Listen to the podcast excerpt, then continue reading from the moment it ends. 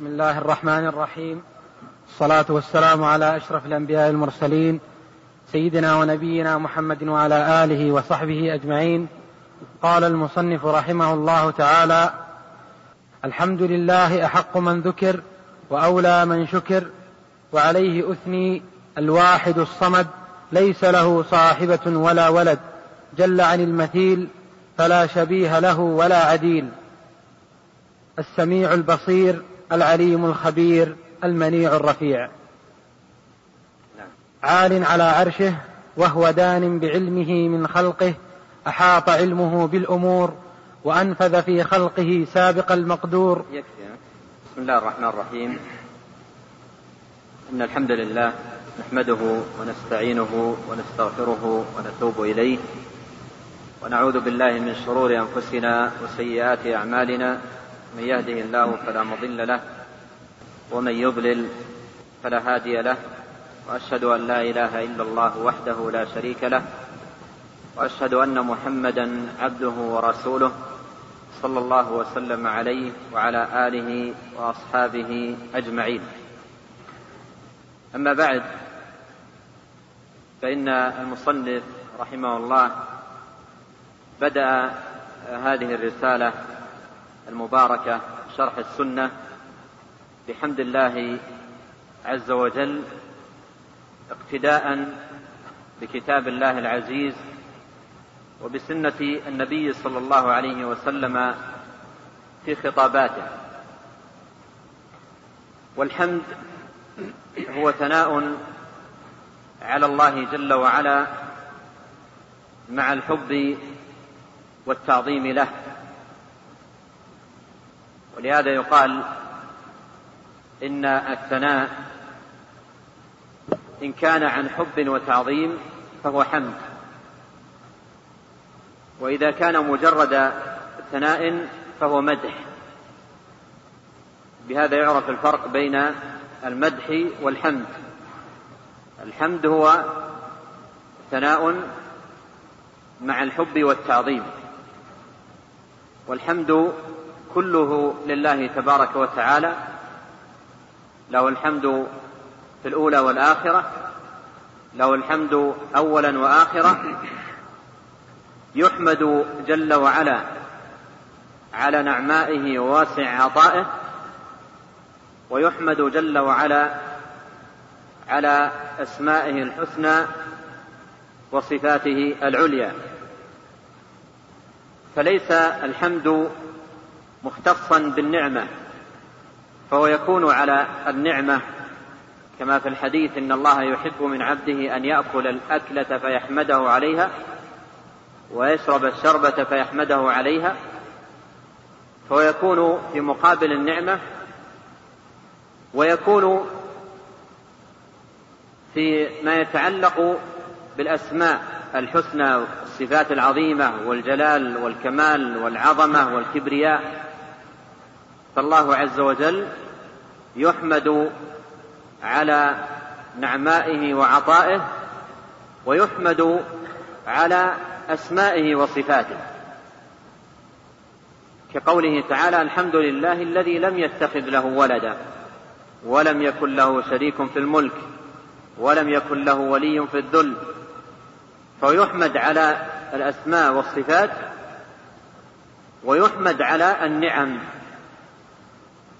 ولهذا قال أهل العلم الحمد أعم من الشكر من جهة أسبابه والشكر أعم من الحمد من جهة أنواعه لأن الحمد إنما يكون بالقلب واللسان يكون القلب حامدا واللسان حامدا. القلب حامدا بمعرفة عظمة الله جل وعلا وما له من الثناء والكمال والعظمة والكبرياء وما له من الأسماء الحسنى والصفات العلى واللسان يحمد بالثناء على الله جل وعلا. يثني بلسانه وقلبه يعظم ويحب. فهذا الحمد والشكر أعم من جهة أنواعه لأن الشكر ليس فقط بالقلب واللسان بل يكون أيضا بالجوارح. فاليد يكون منها الشكر والقدم يكون منه الشكر والسمع يكون منه الشكر والبصر يكون منه الشكر وهكذا. قال تعالى اعملوا آل داود شكرا فالشكر يكون بالقلب ويكون باللسان ويكون بالجوارح فهو أعم من جهة أنواعه. ويكون في مقابل النعمة الشكر على النعم. والعطايا والمنن. وبهذا يعرف الفرق بينهما. والمؤلف رحمه الله في هذا الاستهلال جمع بين الحمد والشكر. قال الحمد لله أحق من ذكر وأولى من شكر. الحمد لله أحق من ذكر. قوله الحمد لله عرفنا أن ال في الحمد الاستغراق بمعنى أن المحامد كلها لله تبارك وتعالى ملكا واستحقاقا يحمد تبارك وتعالى على نعمائه ويحمد على أسمائه تبارك وتعالى وصفاته فالحمد كله لله. له الحمد أولا وآخرا ظاهرا وباطنا. أحق من ذكر. أحق من ذكر. أحق هنا أفعل تفضيل. ومعنى أحق من ذكر أي خير من ذكر. خير من أمضيت في ذكره الأوقات وصرفت في ذكره الأنفاس. فذكر الله جل وعلا هو أحق شيء قاله العبد. ولهذا جاء في صحيح مسلم في دعاء الرفع من الركوع ربنا ولك الحمد حمدا كثيرا ملء السماوات وملء الأرض وملء ما بينهما وملء ما شئت من شيء بعد أحق ما قال العبد. أحق ما قال العبد. فأحق معنى الحديث معنى الدعاء أحق شيء قاله العبد هو ذكر الله. وقد روى بعضهم هذا الحديث حق ما قال العبد. روى بعضهم هذا الحديث بهذا اللفظ حق ما قال العبد. قد نبه شيخ الإسلام على أن هذا اللفظ لم يرد ومن حيث المعنى أيضا فاسد. حق ما قال العبد فالعبد ليس ما يقوله حق ففي قوله حق وفيه باطل. ولفظ الحديث أحق ما قال العبد. أحق ما قال العبد أي أحق شيء قاله العبد وأولاه وأفضله وأكمله ذكر الله وحمد الله والثناء على الله. فقوله في هذا الدعاء احق ما قال العبد دليل على أن الحمد والثناء هو أحق شيء وأفضل شيء يقوله العبد. العبد لسانه يتحرك دائما بأقوال وكلمات وألفاظ وجمل. أحق شيء وأولى شيء وخير شيء يقوله العبد هو حمد الله وذكره سبحانه وتعالى. وقول المصنف هنا الحمد لله أحق ما من ذكر أي أحق من ذكر بالحمد والتسبيح والتهليل ولهذا ذكر الله تبارك وتعالى يتناول الأذكار آه، الشرعية ويتناول تلاوة كتابه ويتناول التعرف إليه بمعرفة أسمائه وعظمته وجلاله ويتناول معرفة شرعه ودينه كل ذلك من ذكر الله جل وعلا. وهذا هو معنى قول النبي عليه الصلاة والسلام في الحديث إذا مررتم برياض الجنة فارتعوا. قيل وما رياض الجنة؟ قال حلق الذكر. المراد بحلق الذكر أي مجالس العلم مجالس التي يبين فيها الحلال والحرام والأحكام ويعرف فيها الناس بربهم وخالقهم ومعبودهم وما له من الأسماء والصفات والعظمة والجلال. هذا كله من ذكر الله. وهو أحق شيء صرف فيه العبد أوقاته. وكذلك ذكره لله بالحمد والثناء والتهليل ونحو ذلك. قد جاء في الحديث عن النبي عليه الصلاة والسلام أنه قال لا أنبئكم بخير أعمالكم وأزكاها عند مليككم وخير لكم من إنفاق الذهب والورق وخير لكم من أن تلقوا عدوكم فتضربوا أعناقهم ويضربوا أعناق أعناقكم. قلنا بلى يا رسول الله. قال ذكر الله. وحديث حسن. والأحاديث في, في, في هذا المعنى آه كثيرة. الأحاديث في هذا المعنى كثيرة. فأحق من ذكر هو الله جل وعلا. وهذا فيه فضل شغل الأوقات بذكر الله تبارك وتعالى وبمعرفة دينه وبمعرفة عظمته وجلاله. ومعرفة الإيمان وأصوله فهذا أحق ما, ما شغل به العبد وقته. قوله أحق من ذكر وأولى من شكر هذه اللفظة جاءت في حديث يرفع إلى النبي عليه الصلاة والسلام رواه الطبراني في معجمه الكبير عن أبي أمامة الباهلي أن النبي صلى الله عليه وسلم كان يقول كل يوم في الصباح والمساء. اللهم أنت أحق من ذكر وأولى من شكر في دعاء طويل. ولكن الحديث لم يثبت عن النبي صلى الله عليه وسلم أورده الهيثمي في مجمع الزوائد وقال فيه فضال بن جبير مجمع على ضعفه.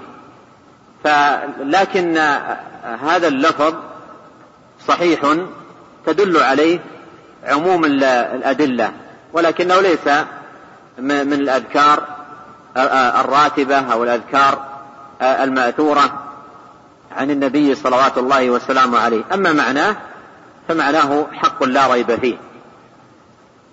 قوله أحق من ذكر وأولى من شكر.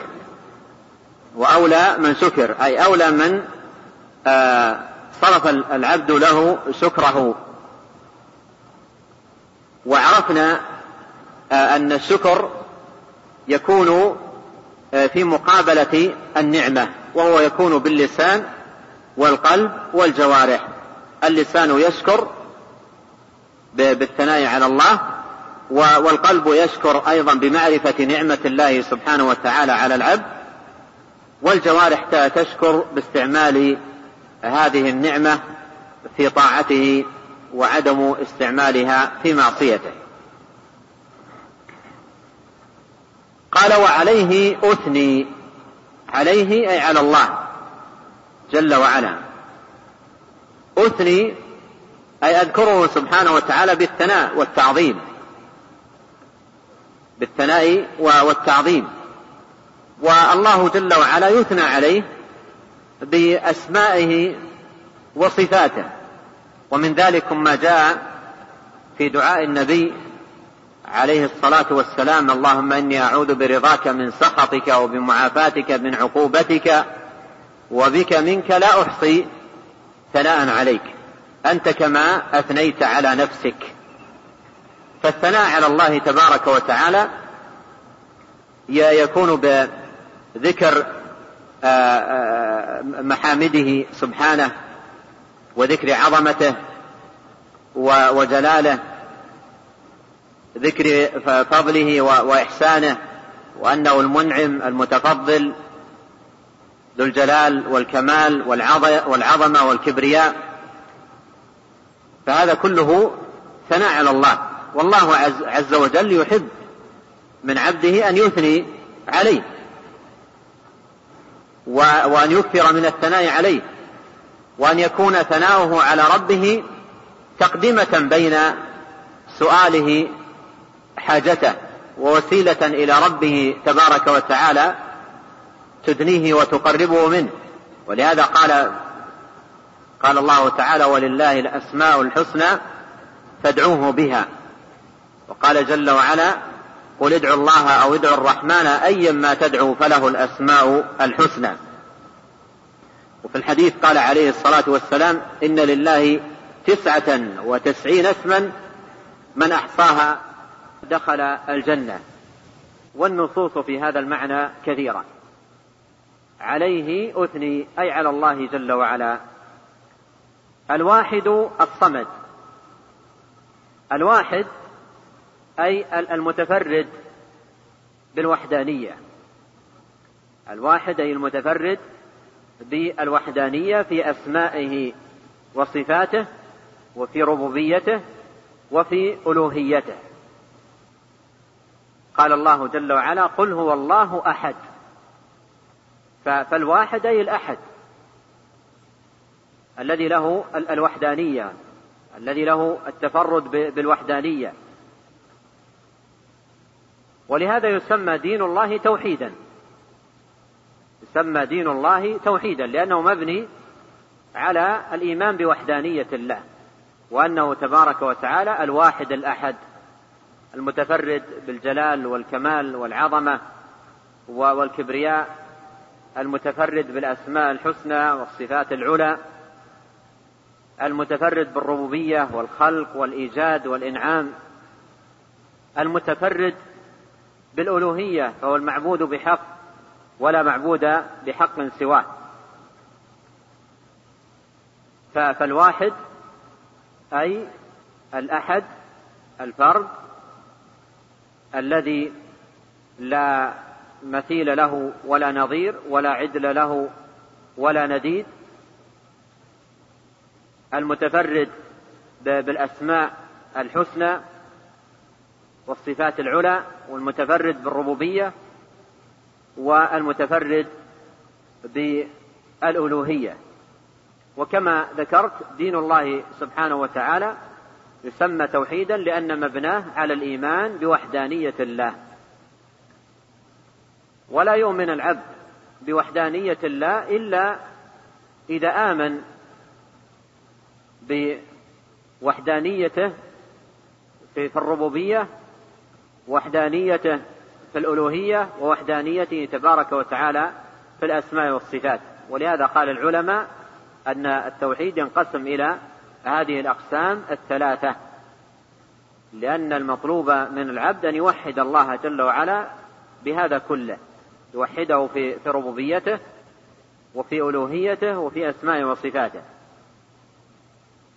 وعليه لا يكون مؤمنا ولا يكون موحدا من لم يوحد الله عز وجل بهذه الثلاثة كلها؟ من لم يوحده بهذه الثلاثة كلها فالإيمان بوحدانية الله لا يكون إلا بالإيمان بوحدانيته بهذه الأمور الثلاثة الربوبية والألوهية والأسماء والصفات. وقوله الصمد كما قال عز وجل الله الصمد هذا الاسم هو من الأسماء التي تدل على صفات عديدة. وفي هذا ذكر ابن القيم رحمة الله عليه قاعدة في الأسماء الحسنى أن من الأسماء ما يكون دال على صفة آه، واحدة العلم العليم العلم السميع السمع البصير البصر التواب التوبة ومنها ما هو دال على جملة من الصفات مثل الصمد والسيد والحميد والمجيد ونحو هذه الأسماء فهي ليست دالة على صفة واحدة وإنما هي دالة على صفات. فاسمه تبارك وتعالى الصمد اسم دال على كمال الله جل وعلا وكمال عظمته وكمال غناه جل وعلا. ولهذا قال ابن عباس رضي الله عنه الصمد هو السيد الكامل في سدده العظيم الكامل في عظمته الرحيم الكامل في رحمته إلى آخر ما جاء عنه رضي الله عنه. فهو اسم اسم يدل على كمال الله وكمال أسمائه وصفاته.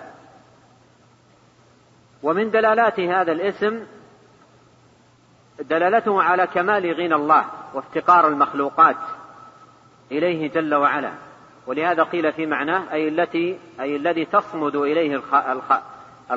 الخلائق وتفزع إليه في حاجاتها ورغباتها فهي مفتقرة إليه من كل وجه وهو سبحانه وتعالى غني عنها من كل وجه. قل هو الله أحد الله الصمد. فقوله الواحد الصمد أخذ هذين من سورة الإخلاص. الله قل هو الله أحد الله الصمد. قال ليس له صاحبة ولا ولد أي أنه سبحانه وتعالى متنزه عن الصاحبة وعن الولد. وهذا من كمال غناه سبحانه وتعالى ومن كمال صمديته. فهو غني جل وعلا. وهو منزه عن الصاحبة والولد. قال تعالى وأنه تعالى جد ربنا ما اتخذ صاحبة ولا ولدا. فهو ينزه عن ذلك كله. والمراد بالصاحبة أي الزوجة. والمراد بالولد أي النسل والذرية. فالله تبارك وتعالى منزه عن ذلك كله. منزه عن ذلك كله. قال عز وجل لم يلد ولم يولد. وهذا فيه نفي آه، آه، أن يكون متفرعا عن أصل ونفي أن يكون متفرع عنه فرع. لم يلد ولم يولد. بل بل هو تبارك وتعالى آه، الأحد الذي لا مثيل له ولا شبيه له في في كماله وعظمته وكبريائه وجلاله وجماله سبحانه وتعالى. قال ليس له صاحبة ولا ولد. جل عن المثيل. جل عن المثيل. جل أي تنزه وتقدس. عن المثيل أي عن أن يكون له تبارك وتعالى مثيل. قال الله عز وجل ليس كمثله شيء وهو السميع البصير. وقال جل وعلا هل تعلم له سميا؟ وقال جل وعلا ولم يكن له كفوا أحد. فهو سبحانه وتعالى متنزه عن عن المثيل. أي لا مثيل له. لا لا مثيل له في أسمائه ولا مثيل له في صفاته ولا مثيل له في في عظمته وكبريائه. والتمثيل كفر بالله. التمثيل كفر بالله. من جعل لله مثلا أو عدلا فهو كافر بالله. قال الله عز وجل والذين كفر ثم الذين كفروا بربهم يعدلون. وقال جل وعلا فلا تجعلوا لله أندادا وأنتم تعلمون.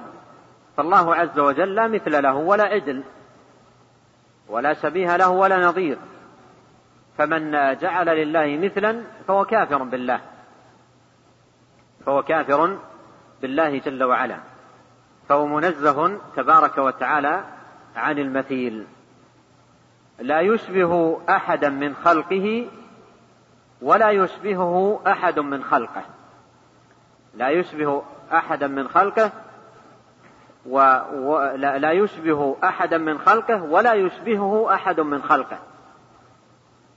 ولهذا قال العلماء التشبيه نوعان تشبيه للخالق بالمخلوق وتشبيه للمخلوق بالخالق وكل ذلك كفر بالله. وقوله هنا جل عن المثيل أي جل عن أن يكون له مثل من مخلوقاته. وكيف يكون المخلوق آه، الضعيف الناقص الفقير العاجز مثلا للخالق العظيم والرب الجليل سبحانه وتعالى. جل الله عن ذلك. جل الله عن ذلك وتنزه وتقدس. جل عن المثيل. ثم أكد هذه الجملة بقوله فلا شبيه له ولا عديل. فلا شبيه له ولا عديل. لا شبيه لله أي ليس آه، في في في مخلوقاته أي أيا كانت ما من هو شبيه لله تبارك وتعالى. أو من هو عديل له فالله عز وجل لا شبيه له ولا عديل.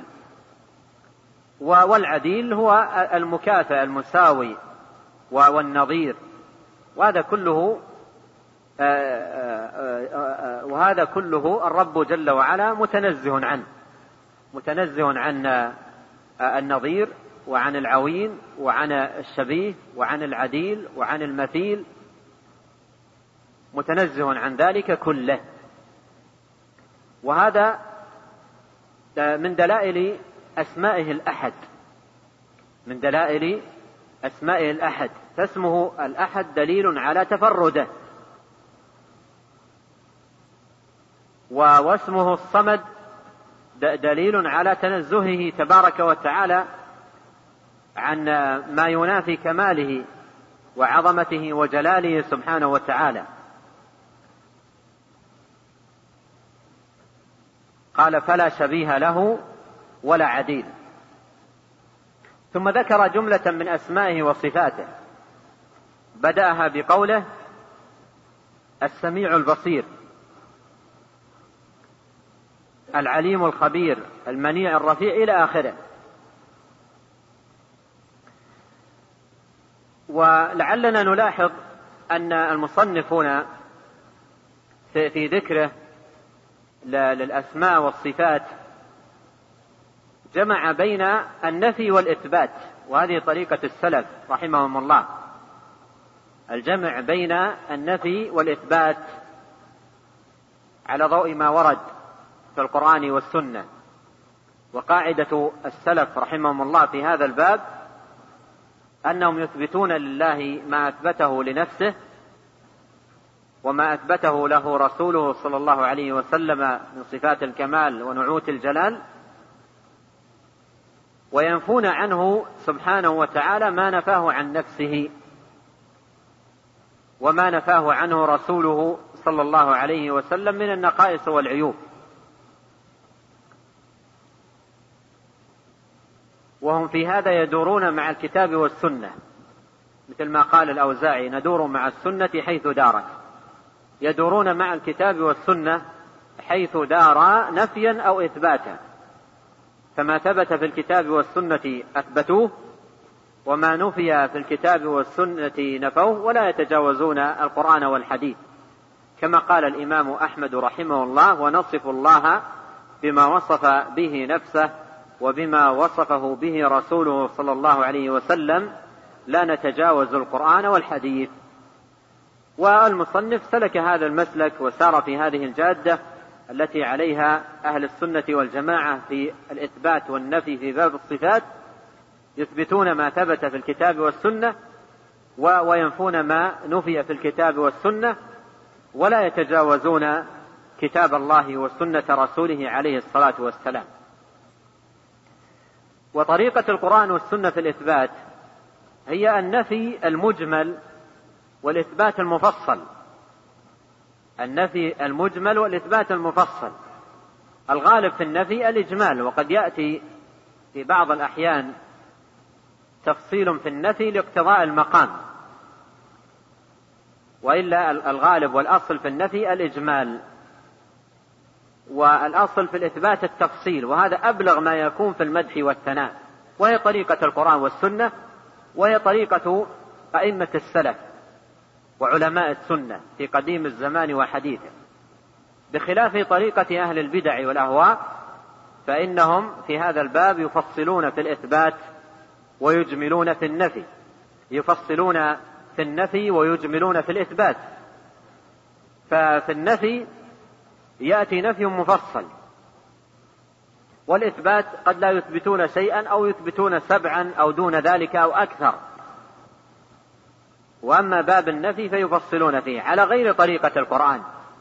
أما السلف رحمهم الله فطريقتهم في الباب هي طريقة القرآن والسنة. تفصيل في الإثبات وإجمال في النفي. من التفصيل في الإثبات ما, ما أخذ يعدده المصنف هنا السميع البصير العليم الخبير إلى آخر ما سيذكره رحمه الله. قوله السميع البصير اسمان آه، عظيمان لله جل وعلا دل عليهما كتابه وسنة نبيه عليه الصلاة والسلام. قال الله تعالى ليس كمثله شيء وهو السميع البصير. وهما دالان على ثبوت السمع. والبصر لله جل وعلا. وقاعدة السلف رحمهم الله في هذا الباب أن أسماء الله كلها حسنى كما أخبر الله ولله الأسماء الحسنى. وهي حسنى لأنها دالة على صفات الكمال. ولهذا كل اسم من أسماء الله تبارك وتعالى دال على صفة كمال لله جل وعلا. ليس في أسمائه اسم لا يدل على صفة بل كل اسم من أسمائه دال على صفة كمال لله جل وعلا. وبعض أسمائه دال على أكثر من صفة على ما سبق إيضاحه. ولهذا كانت حسنى. ولو أنها لا تدل على صفات أو تدل على صفات ليست بصفات كمال لا تكون حسنى. بل هي حسنى لكونها دالة على صفات الكمال لله جل وعلا. فالسميع هو من أسماء الله الحسنى وهو دال على ثبوت السمع لله جل وعلا. ثبوت السمع الكامل ثبوت كمال السمع لله جل وعلا. وأنه وأنه سبحانه يسمع جميع الأصوات.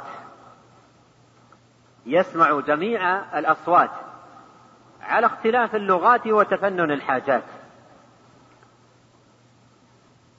كما قالت أم المؤمنين عائشة رضي الله عنها سبحان الذي وسع سمعه الأصوات. قالت ذلك في قصة المرأة المجادلة التي أتت النبي صلى الله عليه وسلم تجادله في زوجها وتشتكي إلى الله. فتقول كنت في, في البيت وأسمع بعض كلامها ويغيب عني بعضه. ولم تنتهي المرأة من مجادلتها إلا ونزل قول الله سبحانه قد سمع الله قول التي تجادلك في زوجها وتشتكي إلى الله والله يسمع تحاوركما إن الله سميع بصير. يسمع جميع الأصوات لو أن الناس كلهم قاموا في صعيد واحد من زمن آدم إلى أن يرث الله الأرض ومن عليها. لو أنهم كلهم قاموا في صعيد واحد وكلهم تكلموا في لحظة واحدة وفي دقيقة واحدة وكل تكلم بلغته وكل ذكر حاجته لسمع أصواتهم أجمعين. دون أن يختلط عليه سبحانه وتعالى صوت بصوت أو لغة بلغة أو حاجة بحاجة. واقرأ دليل هذا في حديث أبي ذر في صحيح مسلم الحديث القدسي الذي يقول الله تبارك وتعالى فيه يا عبادي لو أن أولكم وآخركم وإنسكم وجنكم كانوا على لو أن يا عبادي لو أن أولكم وآخركم وإنسكم وجنكم قاموا في صعيد واحد فسألوني فأعطيت كل واحد منكم مسألته. ما نقص ذلك من ملكي شيئا. فلو أنهم قاموا في صعيد واحد وسألوا لسمعهم أجمعين. واللغات مختلفة والحاجات آه، متنوعة ولا يختلط آه، عليه تبارك وتعالى شيء بشيء. وسع سمعه تبارك وتعالى الأصوات. فلا يكون العبد مؤمنا باسمه السميع إلا إلا إذا أثبت آه، السمع. صفة له تبارك وتعالى. ولا يكفي في في في هذا الباب الوقوف عند هذا الحد بل ينبغي أن يكون لهذا الأمن الإيمان الأثر في سلوك العبد وعبادته. إذا علم العبد أن ربه تبارك وتعالى يسمع كلامه فما الذي عليه؟ إذا علم أن أن الله تبارك وتعالى يبصره ما الذي عليه؟ فهذه الأسماء لها العبوديات المختصة بها التي ينبغي على العبد أن يحققها في حياته وهو من جملة إيمانه بأسماء الله تبارك وتعالى. قال السميع البصير. والبصير هذا دال على ثبوت البصر لله تبارك وتعالى وأنه بصير ببصر يرى به المبصرات جل وعلا. يرى ببصره المبصرات يرى كل شيء سبحانه وتعالى. يرى سبحانه من فوق سبع سماوات دبيب النملة السوداء على الصخرة الصماء في الليلة الظلماء. يرى يرى دبيب النملة السوداء على الصخرة الصماء في الليلة الظلماء. مثل هذه الحالة ليلة ظلماء وصخرة صماء سوداء وتمشي عليها نملة سوداء لو اقتربت منها وأنت حاد البصر ما تراها. ورب العالمين يراها من فوق سبع سماوات. ويرى, ويرى جريان الدم في عروقها ويرى كل جزء من أجزائها. سبحانه وتعالى. فمن الإيمان بهذا الاسم البصير الإيمان بأن له بصر. جل وعلا يرى به المبصرات والكائنات والمخلوقات يرى الصغير والكبير والدقيق والجليل يرى كل شيء ولا يكون مؤمنا بهذا الاسم من لم يؤمن بالبصر صفة لله وهذا يبين لنا شناعة ما عليه أهل البدع والضلال الذين منهم من لا يثبت الأسماء والصفات ومنهم من يثبت أسماء مجردة عن الصفات يثبتها أعلاما محضة لا لا تدل على المعاني. فهذا من أبطل الباطل وأضل الضلال. وقاعدة أهل السنة في, في الباب أيضا أن أسماء الله تبارك وتعالى أعلام وأوصاف. أعلام باعتبار دلالتها على ذاته سبحانه وتعالى وأوصاف باعتبار دلالتها على المعاني. ولهذا لو قيل لك هنا هل السميع هو البصير؟ هل السميع هو البصير؟ فما الجواب؟ لا بد أن تكون مستحضرا هذه القاعدة. أسماء الله تبارك وتعالى أعلام وأوصاف فلو قيل لك هل السميع هو البصير؟ في جواب هذا السؤال لا بد أن تلاحظ اعتبارات الأسماء. لأنها باعتبار دلالتها على الذات مترادفة وباعتبار دلالتها على الصفات متباينة. فالسميع هو البصير باعتبار الدلالة على الذات. السميع هو البصير هو الرحمن هو الرحيم باعتبار أنها أسماء لمسمى واحد تدل على الرب العظيم جل وعلا. فبهذا الاعتبار هي مترادفة. وباعتبار المعاني متباينة. ليس السميع هو البصير. السميع يدل على صفة السمع والبصير يدل على صفة البصر. ولهذا جواب هذا السؤال هل السميع هو البصير؟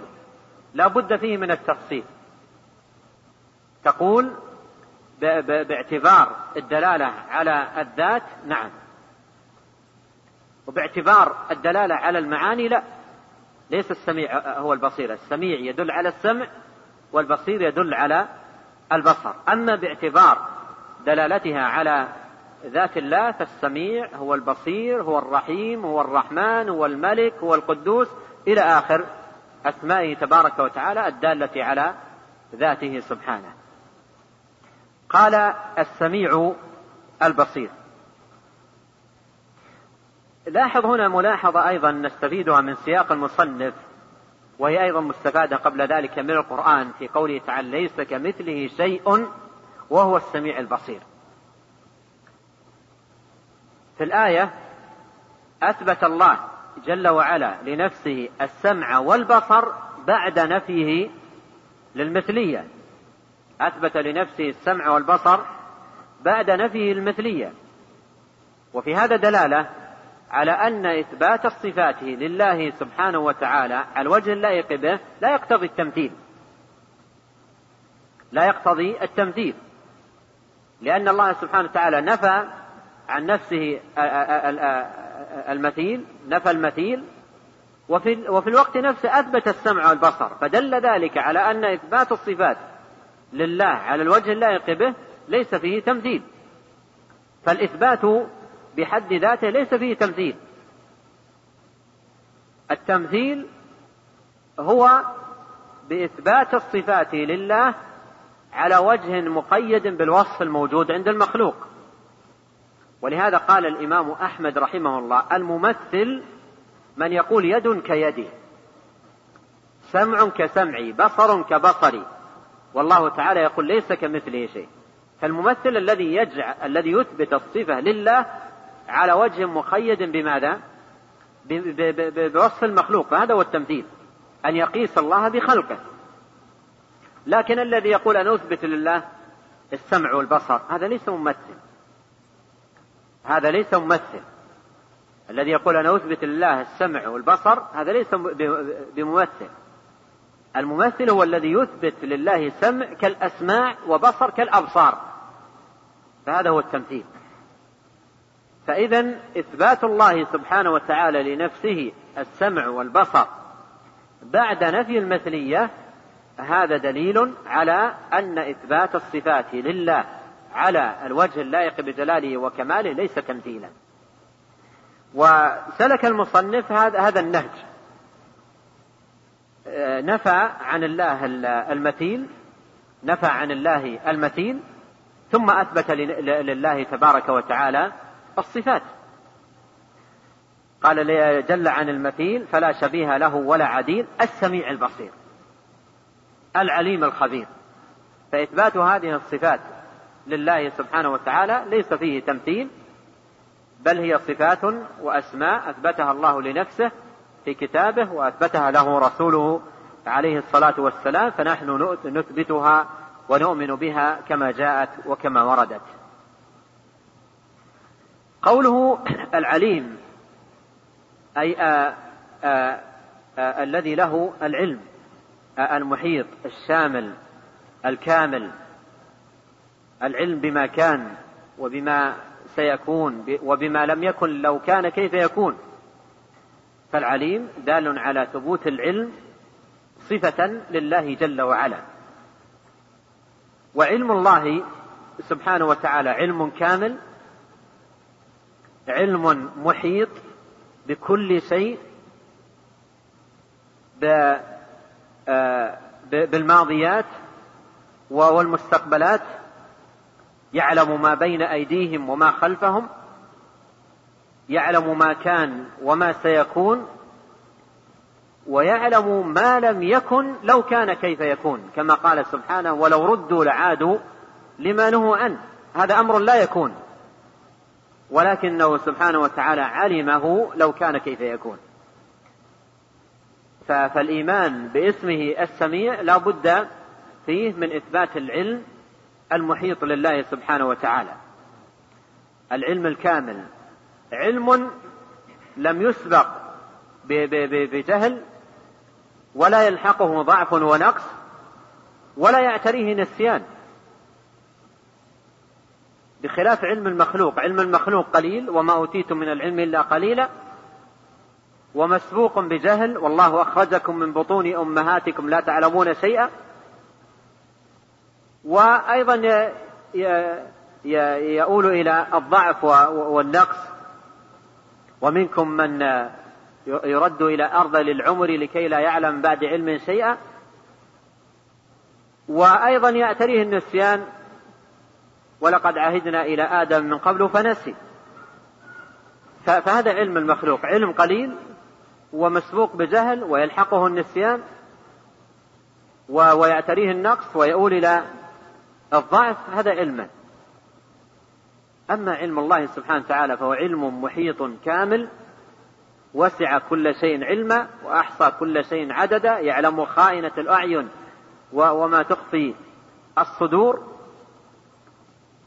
أحاط علمه بكل شيء علم في الأزل ما هو كائن سبحانه وتعالى وكل ما يقع من آه، آه، الكائنات والمخلوقات أحاط علم الله تبارك وتعالى بها في الأزل سبحانه وتعالى فاسمه السميع دال على ثبوت العلم عفوا الاسم العليم دال على ثبوت العلم صفة له. والخبير دال على الخبرة وهو علم الله جل وعلا بدقائق الأمور وبواطن الأشياء وخفياتها. اسمه الخبير دال على علمه بخفايا الأمور وبواطن الأشياء. ف آه، آه، لا, لا, لا يغيب عنه ولا يعزب عن علمه مثقال ذرة في السماوات ولا في الأرض. يا بني إنها إن تك مثقال حبة من خردل فتكن في صخرة أو في السماوات أو في الأرض يأتي بها الله إن الله لطيف خبير. لاحظ الختم بهذا الاسم. الأمور الخفيات الله خبير بها أحاط علمه بها. واسمه العليم. يتناول هذا وذاك. يتناول علمه بظواهر الأشياء وبواطنها. واسمه الخبير يدل على إحاطة علمه بالبواطن والخفيات. قال المنيع. وهذا فيه إثبات كمال قوته وكمال قدرته. وكمال عظمته جل وعلا فالمنيع الذي لا ينال جنابه ولا يرد قضاؤه. و و والذي هو قدير على كل شيء.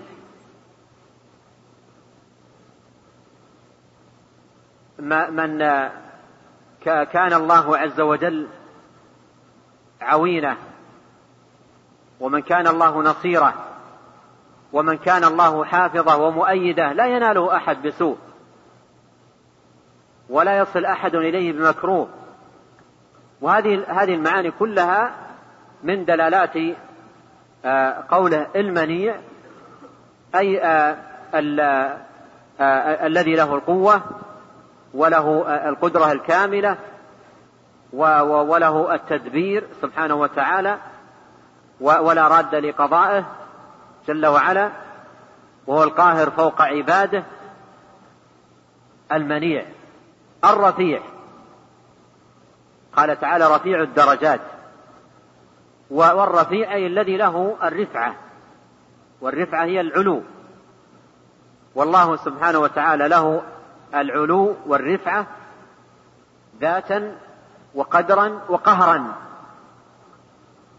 فكل ذلك ثابت لله. فهو العالي الرفيع ذاتا فهو سبحانه وتعالى آه، فوق خلقه علي على خلقه مستو على عرشه و و وقدرا وقهرا. قدرا آه، أي أي مكانة. قال عز وجل ما قدر الله حق قدره. فهو الرفيع قدرا والرفيع قهرا وهو القاهر فوق عباده. فكل معاني العلو والرفعة ثابتة لله سبحانه وتعالى. ونفاة الصفات الذين ينفون عن الله علوه يقصرون آيات العلو والرفعة بعلو القدر والقهر دون علو الذات. وهذا تحكم في النص بدون دليل وإبطال لدلالة النص. النص دال على إثبات العلو لله ذاتا وقهرا وقدرا. فمن خصه ببعضها فهو تحكم يكون تحكم في النص بلا دليل وبلا مستند.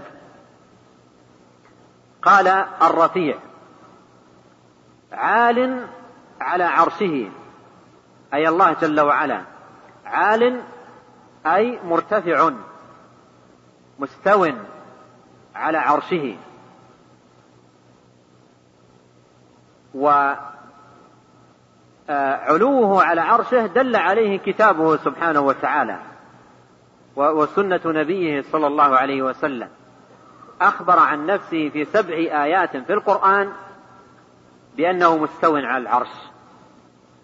وكل هذه الآيات لو تأملتها تجد أنها جاءت في مقام الثناء على الله وبيان كماله وعظمته وجلاله. فهو, فهو سبحانه وتعالى يثني على نفسه ومن جملة ثنائه على نفسه يذكر استواءه على العرش. يعني خذ مثالا على ذلك. أول الحديد قال الله سبحانه هو الأول والآخر والظاهر والباطن وهو بكل شيء عليم. الذي خلق السماوات والأرض في ستة أيام ثم استوى على العرش يعلم ما يجري في الأرض وما يخرج منها وما ينزل من السماء وما يعرج فيها وهو معكم أينما كنتم. فهذا كله مقام ثناء على الله. يثني على نفسه بأوليته آخريته ظاهريته. يثني على على نفسه بكمال علمه خلقه للسماوات استوائه على العرش. فهو من جملة ما أثنى به على نفسه وكله مقام إثبات لله جل وعلا.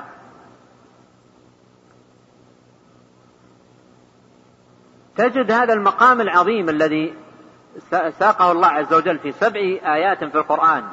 إثبات الاستواء تجد أهل البدع والأهواء يقفون عنده. ليس موقف الإثبات كما جاء في النص وإنما موقف التعطيل والنفي. الاستواء لا يكون إلا عن حاجة وافتقار. نحن لا نعهد استواء على شيء إلا عن حاجة إليه. المخلوق إذا استوى على الدابة محتاج إليها وإذا استوى على الفلك محتاج إليه فالاستواء لا يكون إلا عن حاجة. ولو أثبتنا لله الاستواء لأثبتنا له الحاجة للعرش. انطلاق في, في الحديث في ينطلقون في حديث في هذا الموضوع عن قياس للخالق بالمخلوق سبحانه وتعالى. فألجأهم هذا القياس إلى التعطيل. ألجأهم هذا القياس الفاسد إلى التعطيل. فقالوا والله منزه عن الحاجة وعن الافتقار. إذا ماذا نصنع؟ استوى أي على وارتفع الذي هو معناها المعهود المعروف في اللغة. هذا ما يصلح يقول لله. إذا ماذا نصنع؟ قالوا نبحث عن معنى آخر. بحثوا عن معنى آخر. والمعنى الآخر أيضا يحتاج إلى شاهد في اللغة وأنه مستعمل ومعروف. فقالوا الاستواء الاستيلاء استوى على العرش أي استولى عليه. استولى عليه. إذا أطلق الاستواء يقولون في, في غير بابه. أريد به الاستيلاء قيل لهم هل هذا مستعمل في اللغة؟ قالوا وجدنا بيت بيتا يتيم ما, ما له عضيد. هاتوا البيت قالوا قد استوى بشر على العراق من غير سيف أو دم مهراقي استوى بشر على العراق أي قالوا أي استولى عليه. وبشر الذي يمدح بهذا البيت بشر بن عبد الملك أخو مروان بن عبد الملك. وكان قائد الجيش الذي فتح العراق. كان قائد الجيش الذي فتح العراق. فالشاعر يثني عليه بهذا الفتح يقول قد استوى بشر على العراق من غير سيف أو دم مهراق. يثني عليه بذلك. طيب هذا البيت قبل وجوده. الآن وجد في, في, في, في زمن بني أمية البيت. طيب قبل زمن بني أمية إذ الشاهد الذي يرجع إليه الناس في أن استوى؟ آه، هو استولى. ما عندهم شاهد الناس. فيبقون في أمر في العقيدة ما عندهم شاهد عليه. اللي بعد هذا الشاعر وجدوا لهم شاهد. لكن قبل هذا الشاعر وين الشاهد؟ على أن من استعمالات استوى أي استولى ما يوجد مطلقا. حتى إن بعضهم ذهب إلى فطاحلة في اللغة. قالوا لا هل تعرف في لغة العرب استوى ما نعرف. درسنا اللغة وعرفناها ما وجدنا أبدا استوى بمعنى استولى. فشاهدهم ودليلهم بيت وعامة كتبهم يأتون بهذا البيت كأنه آية من القرآن. عامة كتبهم. وهو البيت الوحيد اليتيم الذي وجدوه شاهدا لهم. فالذين قبل هذا البيت إيش الشاهد عندهم؟ ما عندهم شاهد. ولهذا عقيدتهم ما عليها. ما ما يمكن يعرفونها ولا عندهم عليها اي ثم البيت الذي استشهدوا به معناه على خلاف ما فهموه. وتنبهوا لهذا. الشاعر الآن يمدح بشر بقوله قد استوى بشر. هل هو يمدح بشر بالاستيلاء أو يمدح بشر بالاستواء لو كان يمدح بشر بالاستيلاء لما كان بشر حقيق بالمدح وإنما الحقيق بالمدح مروان الذي جهزه لهذا الأمر. ولا يمدح القادة وإنما يمدح الولاة في مثل هذا. وهو, وهو كان يمدح بشرا نفسه باستوائه على العراق لأنه دخل واستوى عليها وعلى على عرش ملكها على المعنى المعروف في اللغة. على المعنى المعروف في اللغة. على وجه التنزل يمكن نقول لهم هذا دليل تطرق إليه الاحتمال. وأصبح يحتمل معاني. فهل عندكم دليل واضح؟ وشاهد واضح؟ ما ما يدخله. على أن بعض العلماء أيضا يقولون البيت محرف وقالوا فيه أقوال كثيرة. وهو عمدة القوم في أن استوى معناه استولى. ليست هذه المشكلة. ليست المشكلة في استدلالهم بالبيت أو عدم استدلالهم به. المشكلة أكبر من هذا. لاحظ المشكلة عندما أوردت عليهم وأحدثت لهم ارتباكا في الباب. كان كان يفترض أنه يكون سببا لعودتهم من الحق والصواب. قيل لهم أنتم تقولون استوى معناه استولى. والاستوى هذا الفعل جاء في القرآن آه، معطوفا على خلق السماوات والأرض ثم التي تفيد الترتيب والمهلة. الذي خلق السماوات والأرض ثم استوى على العرش فهل ترون استيلاء الله على العرش؟ المعنى الذي تقولون أي ملكه له. هل هو بعد خلق السماوات والأرض؟ لأن ثم تفيد الترتيب والمهلة في اللغة. الذي خلق السماوات والأرض في ستة أيام ثم استوى على العرش معناها عندهم ثم استولى على العرش. فأنتم تقولون استوى بمعنى استولى أي ملك ملك العرش آه، وكان مالكا العرش. تفيد الآية أن هذا الأمر إنما كان بعد الخلق. بعد خلق السماوات والأرض. هذا التنبيه من علماء السلف لهم هو في الحقيقة باب ينبغي أن يستعملوه في الهداية والرجوع إلى الحق والصواب. ماذا عملوا؟ الآن استوى على غير بابها. قالوا ثم تحمل على غير بابها. قالوا ثم تحمل على غير بابها. ثم على غير بابها استوى على غير بابها. أيضا العرش قالوا أن العرش في اللغة هو سرير الملك ولها عرش عظيم هذا معروف معناه في اللغة. قالوا هو كناية عن العظمة كناية عن العظمة. فثم على غير بابها والعرش على غير بابه واستوى على غير بابها والرحمن. ثم استوى على العرش ثم استوى آه، آه، الرحمن على العرش استوى. أيضا الرحمن على غير بابها لأن الرحمن في إثبات الرحمة لله سبحانه وتعالى فما بقي في الآية شيء على بابه حتى الحروف. الأفعال والحروف والأسماء كلها على غير بابها. كلها على غير ما بقي في الآية شيء على بابه لا اسم على بابه ولا فعل على بابه ولا حرف على بابه. ليش؟ إيش الموجب لكم لهذا الدخول في هذه الورطات؟ وكل شيء في الآية جعلتموه على غير بابه. كل هذا يعني كل هذا تورطوا حقيقة فيه بسبب واحد يجب أن تفهموه. كل هذا تورطوا فيه بسبب واحد ما هو؟ أنهم أولا تلوثوا بلوثة التشبيه بلوثة التشبيه ولما تلوثوا بهذه اللوثة أرادوا أرادوا أن يتخلصوا منها بأي طريقة فلجأوا إلى التعطيل. والتعطيل جرهم إلى هذه التحريفات المتراكمة. التي لم يبقوا في الآية حرفا أو فعلا أو اسما على بابه وعلى أصله وعلى معهود معناه في لغة العرب. قال عال على عرشه.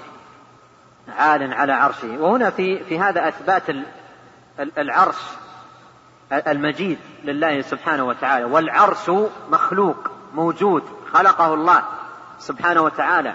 نؤمن به ونثبته كما جاء وكما ورد. وكل صفة جاءت للعرش في القرآن أو السنة فنحن نؤمن بها ونثبتها. ومن ذلك سعة العرش. دل عليها قوله سبحانه وتعالى ذو العرش المجيد في قراءة. فالعرش المجيد المجد هو السعة فنؤمن بسعته وكبره وأنه أكبر المخلوقات. وقد قال النبي صلى الله عليه وسلم لأبي ذر في الحديث ما الكرسي في العرش إلا كحلقة ألقيت في فلاة ما الكرسي في العرش إلا كحلقة ألقيت في فلاة يعني كقطعة حديد ألقيت في صحراء. ماذا تساوي نسبة قطعة حديد إلى صحراء؟ قال ما الكرسي في العرش إلا كحلقة ألقيت في فلاة وما السماوات والأرض في, في, في, في الكرسي إلا مثل ذلك. ولاحظ هذه النسب العجيبة التي تدل تدلك على عظمة الخالق سبحانه وتعالى. فالعرش مجيد أي واسع وعظيم كما أخبر عنه بذلك سبحانه وتعالى. وله قوائم. فإذا أنا بموسى آخذ بقائمة من قوائم العرش وله حملة. فالشاهد كل صفات العرش نثبتها.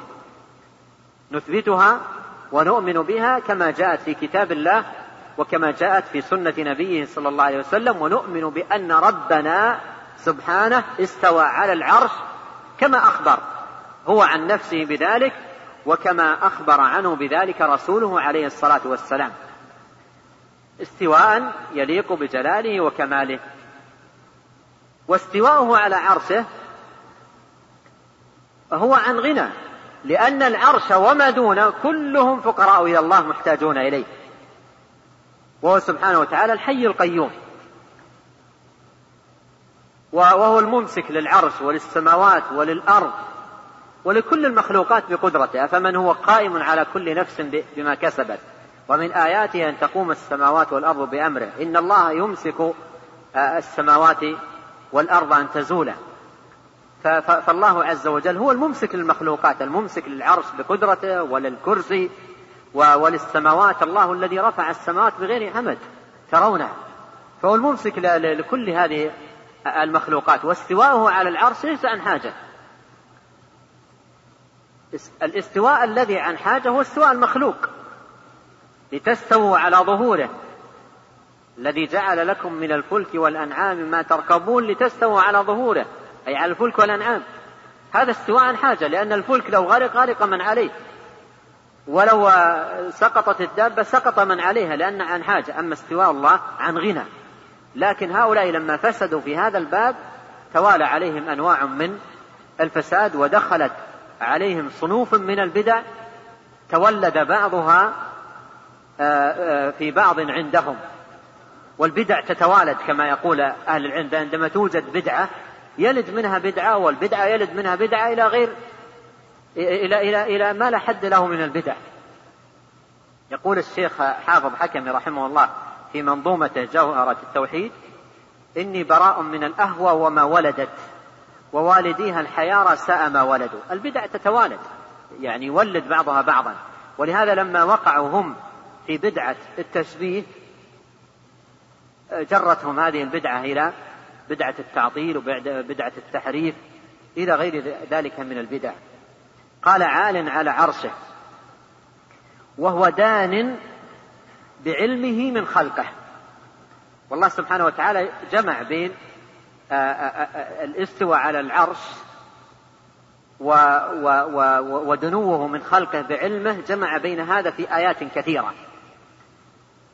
بل لو تتبعتم هذا في القرآن الآيات التي جاء فيها الآيات التي جاء فيها إثبات استواء الله سبحانه وتعالى على العرش وهي سبع آيات في القرآن كلها أو في, أغلبها يذكر عقب الاستواء العلم إما قريبا منه أو متراخيا عنه. قريبا منه مثل ما قرأت عليكم في سورة الحديد ومثل أيضا في أول سورة في سورة طه.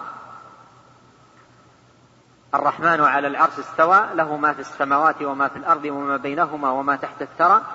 وإن تجهر بالقول فإنه يعلم السر وأخفى.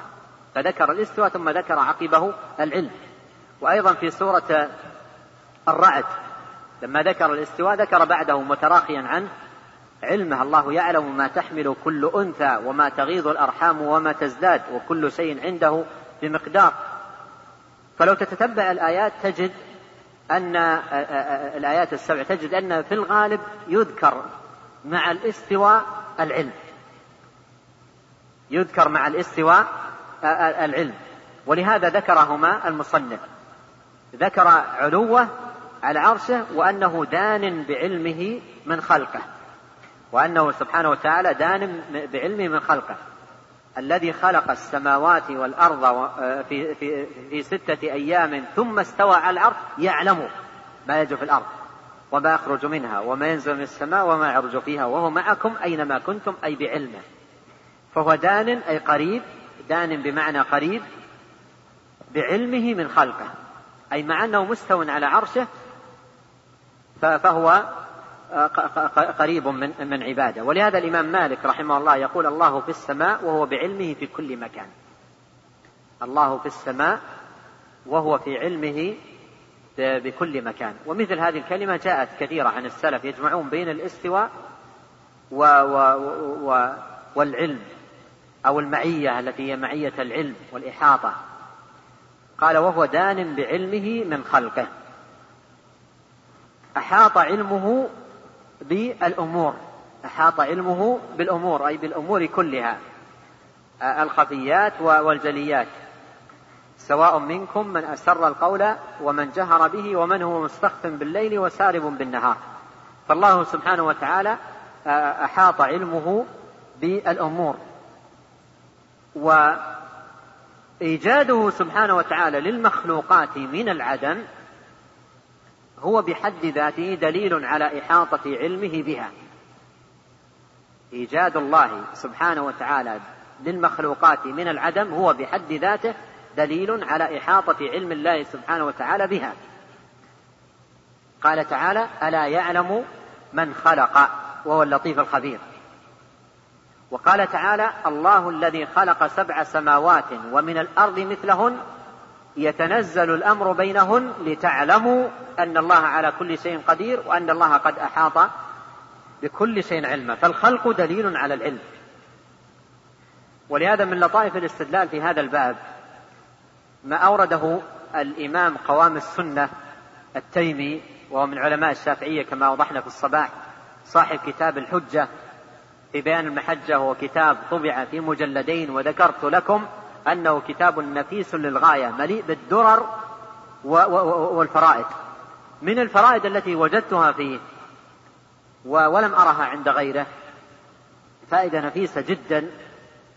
يقول رحمه الله ذكر رحمه الله أن أحد الملاحدة أراد أن يشوش على بعض أبناء المسلمين أو على بعض المسلمين. فقال إن إنني أقدر أقدر على الخلق. أقدر على إيجاد كائنات حية أوجدها من العدم. ليس الله متفرد بذلك كما تزعمون.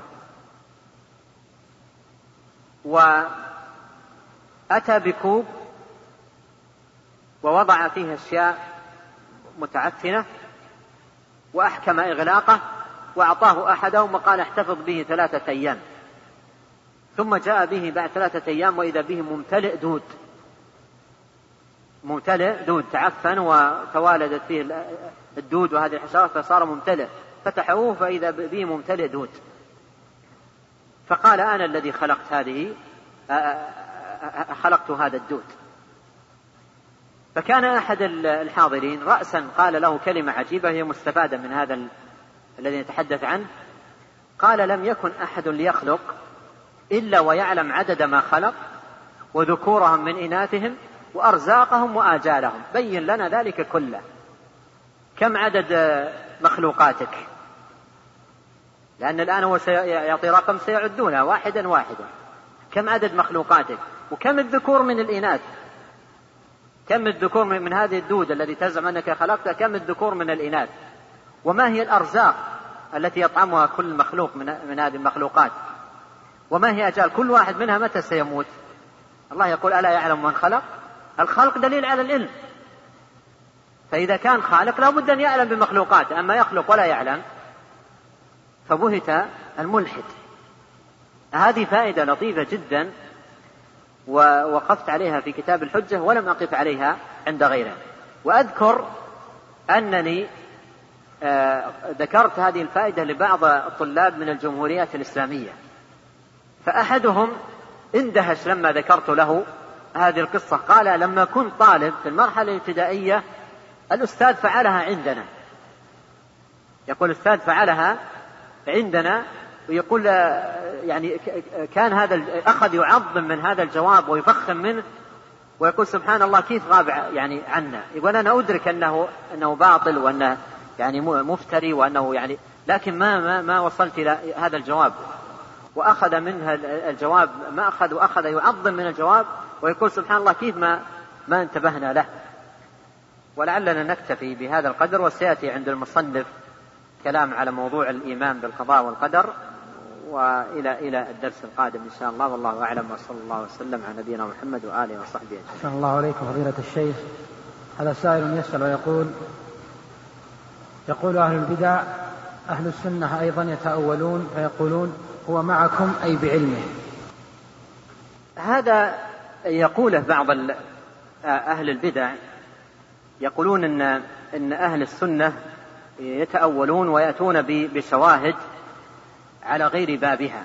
يأتون بشواهد لم يعني ليست في في بابها أو لم يفهموا مراد أهل السنة منها. وهنا أذكر لكم قاعدة في, في, في الباب. كل ما يقول فيه أهل البدع أن أهل السنة وقعوا فيه بتأويل لا يخلو من أمرين. إما كذب على من نسبوه إليه من أهل السنة أو أنهم لم يفهموا الأمر على وجهه. والكذب في هذا الباب كثير. يعني نسب إلى الإمام مالك بعض بعض التأويل هي افتراء عليه وكذب ونسب للإمام أحمد ونسب للشافعي وغيره من أهل العلم. وهذا يعرف من خلال الكتب المختصة في هذا المجال. ونوع آخر ينسبون فيه لأهل السنة التأويل وهم لم يفهموا حقيقة الأمر. ومن ذلك هذا المثال الذي أورده السائل. قول الله سبحانه وتعالى وهو معكم أينما كنتم قال السلف بإجماعهم معكم أي بعلمه معكم أي بعلمه. وليس هذا هو تأويل للنص بمعنى صرف له عن ظاهره. لأن هذا هو ظاهر النص. كما قال الإمام أحمد في رده على الجهمية قال بدأ الخبر بالعلم وختم الخبر بالعلم. ومع هذه الكلمة هي لا تفهم إلا من خلال السياق الذي ورد فيه وردت فيه. فهي تفيد مطلق المصاحبة وهي في كل آه، موضع بحسبه. ولهذا تجد أن معناها يختلف بحسب المواضع التي جاءت فيه هذه الكلمة.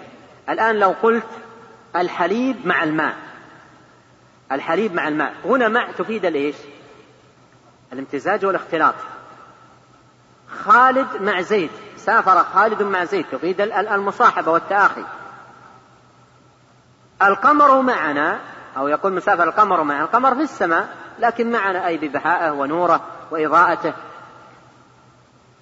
يقولون فلان مع زوجته أو أو معه زوجته ويكون هو في المدينة وهي في في في بلد آخر وهي معه أي في عصمته. فإذا لاحظ أن مع تختلف بحسب السياق الذي وردت فيه. إذا من أجل فهم مع لا بد من نظر النظر إلى ماذا؟ إلى السباق واللحاق. وهذا هو معنى قول الإمام أحمد ختم بدأ الخبر بالعلم وختم بالعلم. هذه الآية وكذلك آية الحديد ألم تعلم أن الله يعلم ما في السماوات وما في الأرض؟ ما يكون من نجوى ثلاثة إلا هو رابعهم ولا خمسة إلا هو سادسهم ولا أدنى من ذلك ولا أكثر إلا هو معهم. أينما كانوا ثم ينبئهم بما عملوا يوم القيامة إن الله بكل شيء عليم. بدأ الخبر بالعلم وختم بالعلم. ولهذا يقول الإمام الدارمي رحمه الله في رده على هؤلاء في هذا الباب قالوا جردوا الآية من سباقها ولحاقها وقالوا وهو معكم أي أنه بذاته وحال في مخلوقاته. هذا هذا الباطل. أما الذي يقرأ النص كاملا ويفهمه كاملا على على بابه لم يقع في التأويل. إذا قول السلف رحمهم الله وهو معكم أينما كنتم إلا هو معهم أينما كانوا أي بعلمه هذا هو بإجماعهم وهو مأخوذ من دلالة النص. نعم. أحسن الله إليكم. هذا سائل يقول هل المنيع اسم من أسماء الله وأين ورد؟ هل إيش؟ المنيع. لا المنيع ليس من أسماء الله. والمصنف هنا لم يسقه آه، مساق الاسم وإنما ساقه مساق الإخبار وهو من حيث المعنى صحيح. نعم يخبر عن الله تبارك وتعالى به لكن أسماء الله توقيفية يثبت منها ما دل عليه الدليل في كتاب الله وسنة نبيه صلوات الله وسلامه عليه. أحسن الله إليكم. هذا سائل يقول ما الفرق بين الأحد والواحد في أسماء الله؟ الأحد هو بمعنى الواحد ولهذا في, في, في تعريف اسمه الأحد قالوا أي الواحد. فالأحد أي الواحد المتفرد بالوحدانية في ربوبيته وأسمائه وصفاته سبحانه وتعالى. نعم. أحسن الله إليكم وجزاكم الله خيرا وصلى الله وسلم على نبينا محمد.